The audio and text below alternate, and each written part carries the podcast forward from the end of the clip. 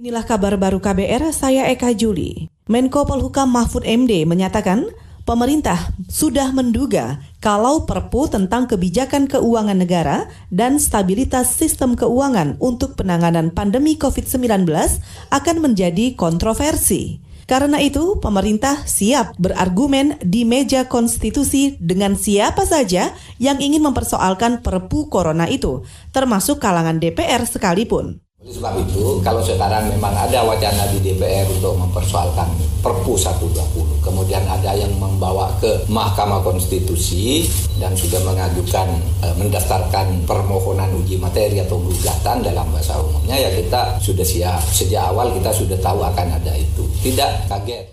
Menko Polhukam Mahfud MD juga menyinggung salah satu pasal di Perpu Corona itu yang memberi kekebalan hukum bagi pejabat tertentu. Pasal itu sebelumnya banyak ditentang, termasuk oleh masyarakat anti korupsi Indonesia.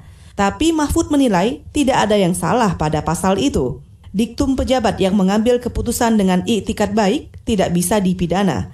Hal itu bukan merupakan aturan baru dalam konstitusi. Saudara staf khusus Presiden Adamas Belva Syah Devara akhirnya mengundurkan diri dari jabatannya. Pengunduran diri itu mengakhiri polemik terkait aplikasi Ruang Guru selaku mitra pemerintah untuk program Kartu Prakerja. Belva mengaku sudah menyampaikan surat pengunduran diri kepada Presiden Joko Widodo sepekan lalu.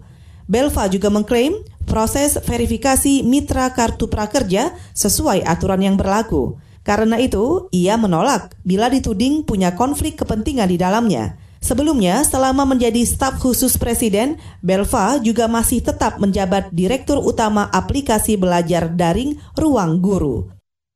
Saudara, pemerintah sedang mempersiapkan peraturan Menteri Perhubungan terkait larangan mudik di tengah pandemi COVID-19.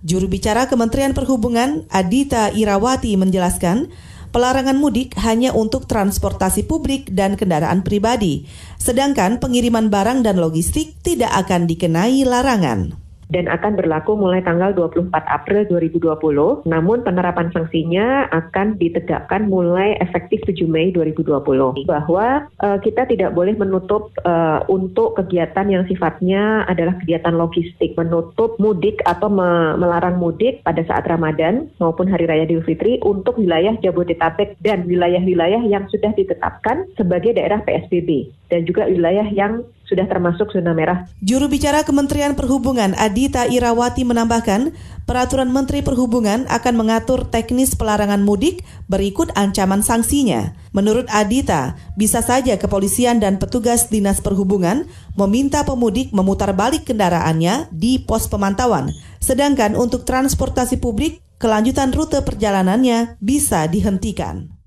Saudara, demikian kabar baru. Saya Eka Juli.